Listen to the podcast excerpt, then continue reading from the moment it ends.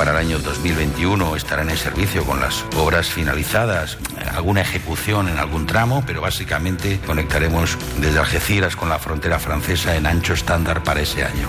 Va, benvinguts a classe. Informa Xavier Sala i Martín. La setmana passada el lobby valencià que està a favor del corredor del Mediterrani, que també és Catalunya i que també és Andalusia, van reunir 1.500 empresaris en un acte a Barcelona i aquesta era la veu del ministre de Foment, José Luis Ábalos, que li posava data, per fi. I la pregunta que li fem al professor Xavier Sala i Martín és la importància de tenir grans infraestructures al servei de l'economia. Quina és? Com de determinant és, des del punt de vista econòmic, tenir una bona xarxa de transports transfronterers en l'època en què estem precisament parlant sempre d'economies globals. Professor Xavier Sala i Martín, molt bon dia. Hola, molt bon dia. Que em fa de temps que parlem del corredor del Mediterrani? Jo ara tinc aquí nois i noies que estan aquí a l'estudi els hi preguntava sabeu què és el corredor del Mediterrani? I m'han dit sí. Llavors, quan els he explicat això de que sigui el tren que circuli cap a, al nord, ho han entès perfecte, però dic ara ho entendreu millor quan em parli en Xavier. Xavier, eh, és important tenir una data perquè el temps passa i les oportunitats econòmiques es perden, no? Sí, a veure, el, el, el, corredor mediterrani és important per dues raons. Uh, una és per uh, unir centres productius que ara mateix estan dins de la península ibèrica i que no estan units perquè l'estructura eh, d'infraestructures que tenim fins ara eh, eh, ha estat radial i dos, per aprofitar la, l'estructura de producció mundial. A ningú se li escapa que el centre de producció del món, el centre, diguem l'epicentre del planeta Terra, s'ha desplaçat cap a Àsia. La major part de productes manufacturats, és a dir, la indústria, eh, està sent produïda a Àsia i per vendre tots aquests productes a Europa cal entrar-los d'alguna manera i aquí és on entra el corredor mediterrani. Perquè han d'entrar pels ports no? Sí. Deixa'm, deixa'm parlar de, de les dues coses. Eh? La, la primera cosa és que eh, la història d'Espanya és una història d'una aberració econòmica pel que fa a les infraestructures. Eh? Um, diguem, des del començament, eh, quan eh, Carles I li va dir al seu fill eh, Felip II instal·la't la, la capital en una villa que es diu Madrid, a Madrid no hi havia res, no hi havia ni tan sols hi havia riu, Uh, I això és una aberració històrica. Ells ho van fer segurament per escapar a la competència dels centres industrials de Barcelona i Sevilla, també per, es, per, per escapar de la influència dels bisbes. Uh, el més normal en aquella època hagués sigut posar la, la capital a Toledo, però van decidir posar-lo al mig del no-res. En aquell moment no hi havia res allà a Madrid, ni tan sols hi havia transport fluvial. Uh, si tu mires avui dia les capitals, les grans capitals d'Europa, totes, absolutament totes, estan o bé al costat del mar o bé al costat, d'un riu. riu. Clar. Uh, parles de Viena, d'Amsterdam, Berlín, de Bratislava, de Londres, Copenhague, Lisboa, Varsòvia, Roma, tots, eh? No, el Manzanares uh, per... està allà, eh? Sí, sí, sí, però el Manzanares no és no dona, no dona de eh? sí, no, no dona de sí, sí. No serveix per portar mercaderies. Durant molts segles, l'única manera de transportar les coses a llarga distància era els vaixells, mm. i això volia dir mars o volia dir rius. Eh? Um, uh, I, per tant, es va, es va posar un, un, un, la capital en un lloc aïllat de tot, incomunicat, i això va tenir unes conseqüències brutals per, eh, per Espanya. Per exemple, es van perdre les grans revolucions religioses, eh, com el protestantisme, les revolucions científiques, les revolucions socials i les revolucions econòmiques, la revolució industrial. Res de tot això va arribar a Espanya, que es va quedar cada vegada més enrere per solucionar el problema de la comunicació entre el rei i les, diguem, els seus súbdits, els reis a poc a poc van anar creant una xarxa de carreteres, una xarxa de, de camins, que es deien els camirrals, eh, els camins reals, mm. que bàsicament eren sis camins que sortien de Madrid i anaven a diferents parts de, de, del territori. Eh? Uh, això és el principi de l'Espanya radial. Aquells camins, aquells camirrals, que eren els únics que pagava el rei, eh? si algú volia un altre camí se l'havia de fer de la seva butxaca, uh, això ja passava a l'època de Felip II, eh, recordeu? I, és, que és que el mateix poc que, que hem avançat, ara. Xavier Salai Martín, que poc que hem avançat. Exacte. doncs a, aquells camí rals es van convertir en les carreteres nacionals, eh? la Nacional 1, la Nacional 2, sí. Nacional 3, que totes surten des de Madrid, sí. quilòmetre zero, i van a parar a, a, a tota Espanya de forma radial. Aquestes carreteres després, al segle XX, ja van esdevenir autopistes o autovies, també totes dissenyades de manera radial. També al segle XIX, els trens, tots els trens anaven i sortien i, i, i acabaven a Madrid, uh, i finalment la, la xarxa d'AVE, la de l'alta velocitat, mm. i de les eh, i fins i tot la gestió dels aeroports d'AENA, eh, tots els avions han d'anar a parar a Madrid. És a dir, aquesta concepció radial el que fa és que Madrid està molt ben comunicat eh, amb tothom, però eh, els tothom entre ells no estan gens comunicats. És dificilíssim anar de, de Catalunya al País Basc o del País Basc... O a Extremadura, Basc. o a... Sí, sí sempre has de passar per Madrid. Uh, I clar, el que ha passat és que els centres productius de la península ibèrica eh, més o menys al llarg de la història han estat a la perifèria. El País Basc, el País Valencià, eh, Catalunya, Andalusia... Uh, de fet, sí, és una cosa curiosa. Si tu mires avui dia, avui dia, les empreses de l'IBEX 35, uh, n'hi ha de dos tipus. Una és les que depenen de l'obra pública, depenen del BOE, mm. uh, i aquestes totes són a Madrid. Les que són realment productives i creatives estan totes a la perifèria siguin Inditex, Zara, que està a Galícia, sigui Mercadona, que està al País Valencià, sigui Grífols a Catalunya. Eh?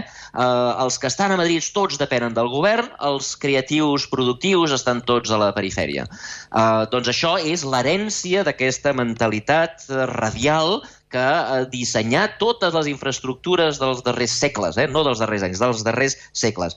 I clar, la gent, els empresaris de la perifèria, en aquest cas que tu mencionaves, els empresaris valencians, diuen, escolta'm, és que no pot ser que clar, nosaltres... Per... nosaltres no creixem, no?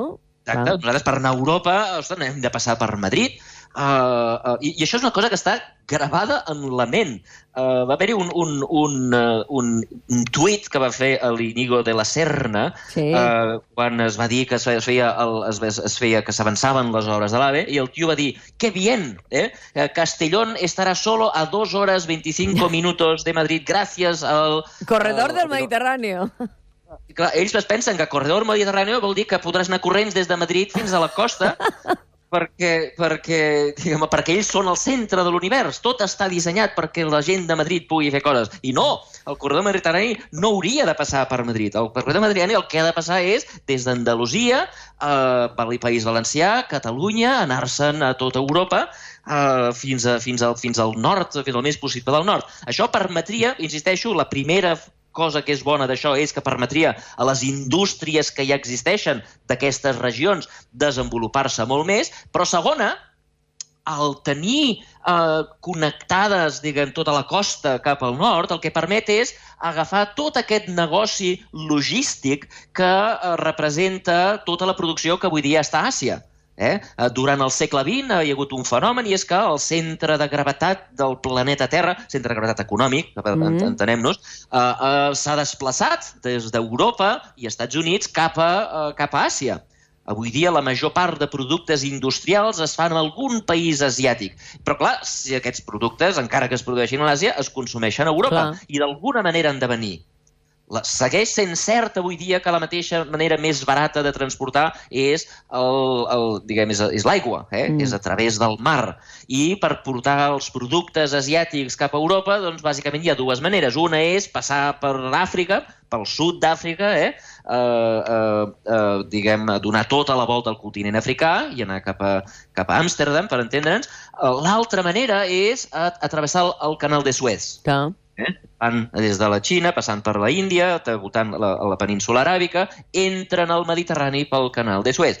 I llavors, a partir d'aquí, clar, si tu estàs ja dins del Mediterrani, hi ha dues maneres de portar els productes a Alemanya. Una és sortir del Mediterrani a través de l'estret de Gibraltar, anar per Anglaterra, anar cap als ports d'Holanda... O des directament trobar-te tots els ports de la península ibèrica, per entendre'ns. Clar. Exactament. L'altra manera, molt més barata, de fet, extraordinàriament barata és tenir ports al Mediterrani, de manera que no hagis de donar tota la volta a Europa i des d'aquí agafar els containers dels vaixells, posar-los en un tren i, pum, de manera barata, enviar-los a totes les destinacions europees. Doncs el corredor mediterrani serveix per això, perquè de sobte diguem, nosaltres competim amb els italians i amb els grecs eh, perquè, per, per, per fer aquesta, aquesta labor no? de, de portar els productes mm. cap a Europa. Doncs això es pot fer des del port de Barcelona, del port de València, però també es pot fer des de qualsevol port italià o des dels ports grecs.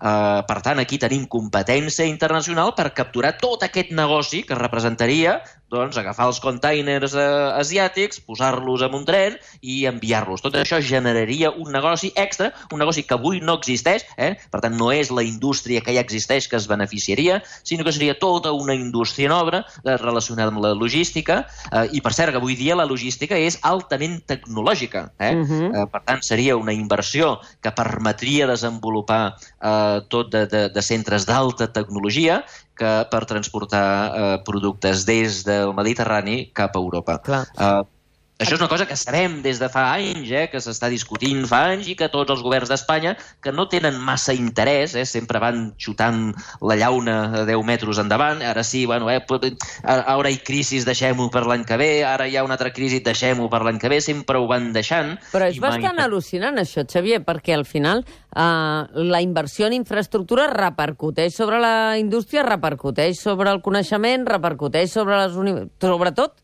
sobre també la, el potencial que tenen les empreses per innovar i, tam i, per tant, també sobre el coneixement universitari, no?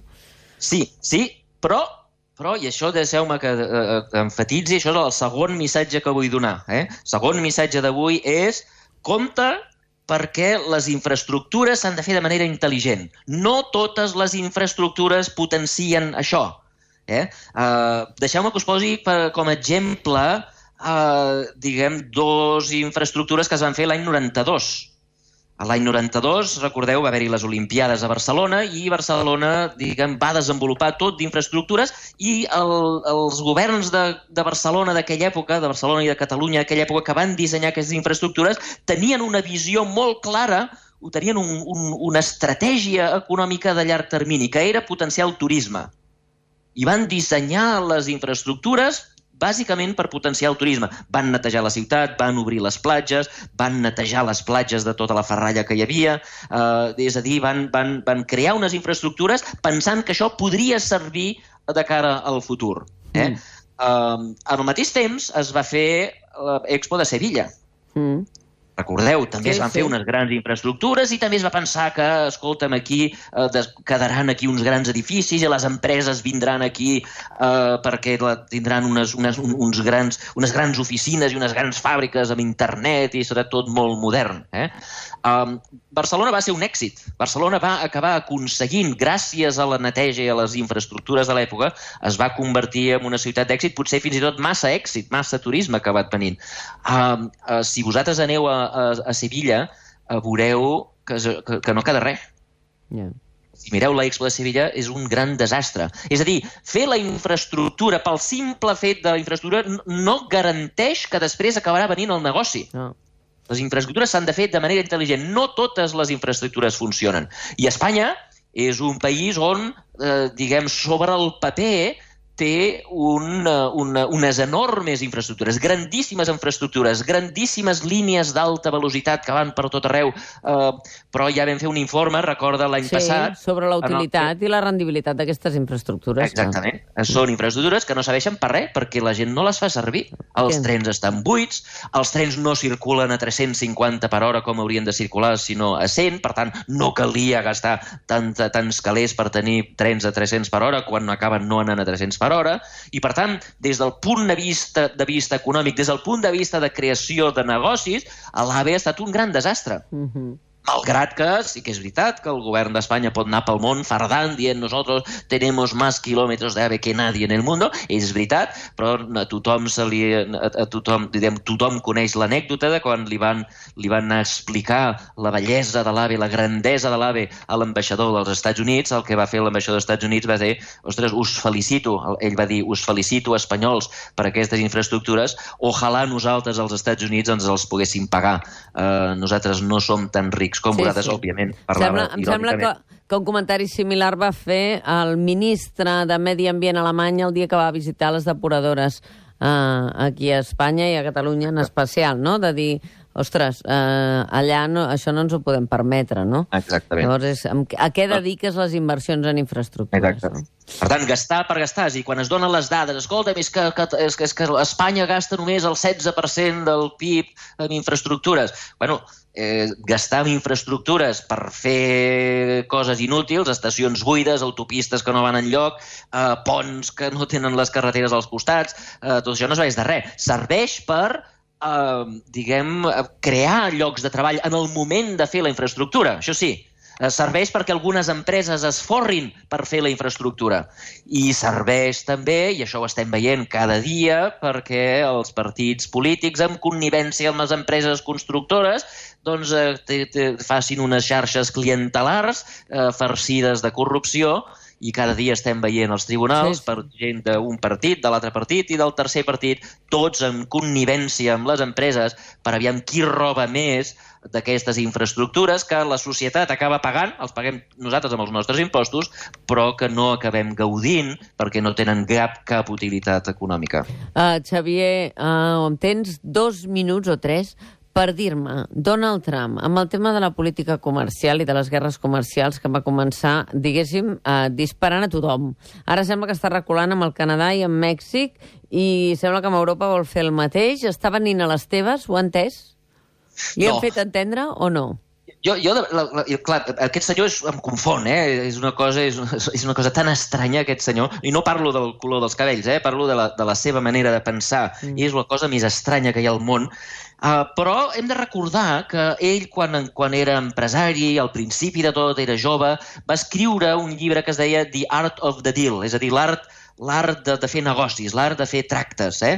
I el que a mi em dona cada vegada més la impressió és que aquest senyor ens està volent ensenyar a tots lo bon negociador que és. Hmm. Uh, uh, òbviament, el, el, el, el que acaben de signar ara amb Canadà, eh, recordeu la història, eh, que Estats Units, Canadà i Mèxic tenien un tracte que es deia el Tractat de Lliure Comerç de l'Amèrica del Nord, el NAFTA, Mm. i, eh, diguem, anava molt bé, tothom estava content, eh, i de sobte ell diu, oh, això és perjudicial pels Estats Units, això és una farsa, tal, ho, va, ho trenco, i després ja negociarem una cosa millor. Han estat negociant, ara Mèxic s'ha pujat al carro, la setmana passada Canadà s'ha pujat al carro, però si tu mires el tractat és bàsicament el mateix, el, amb, amb una excepció, i és que ara els, els lleters, els productors de llet nord-americans dels Estats Units podran vendre una mica més de llet al Canadà. Bàsicament el mateix.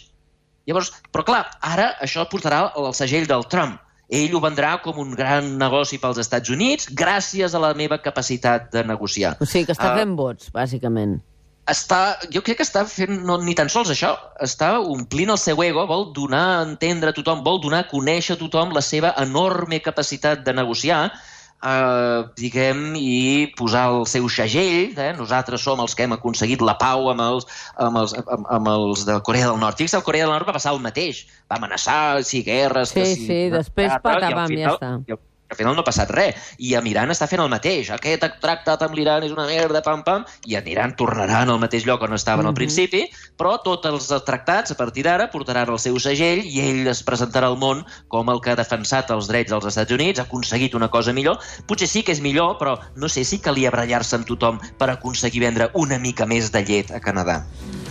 Xavier Sala i Martín, gràcies per la lliçó de l'informe, la cara de satisfacció de les, dels alumnes que tinc aquí a l'estudi. Espero que sigui el mateix per part dels oients que t'estan sentint. Eh, Jo crec que s'ha entès tot com un llibre obert. Moltes gràcies. Fins d'aquí Moltes 15 gràcies. dies. Que vagi bé. A veure.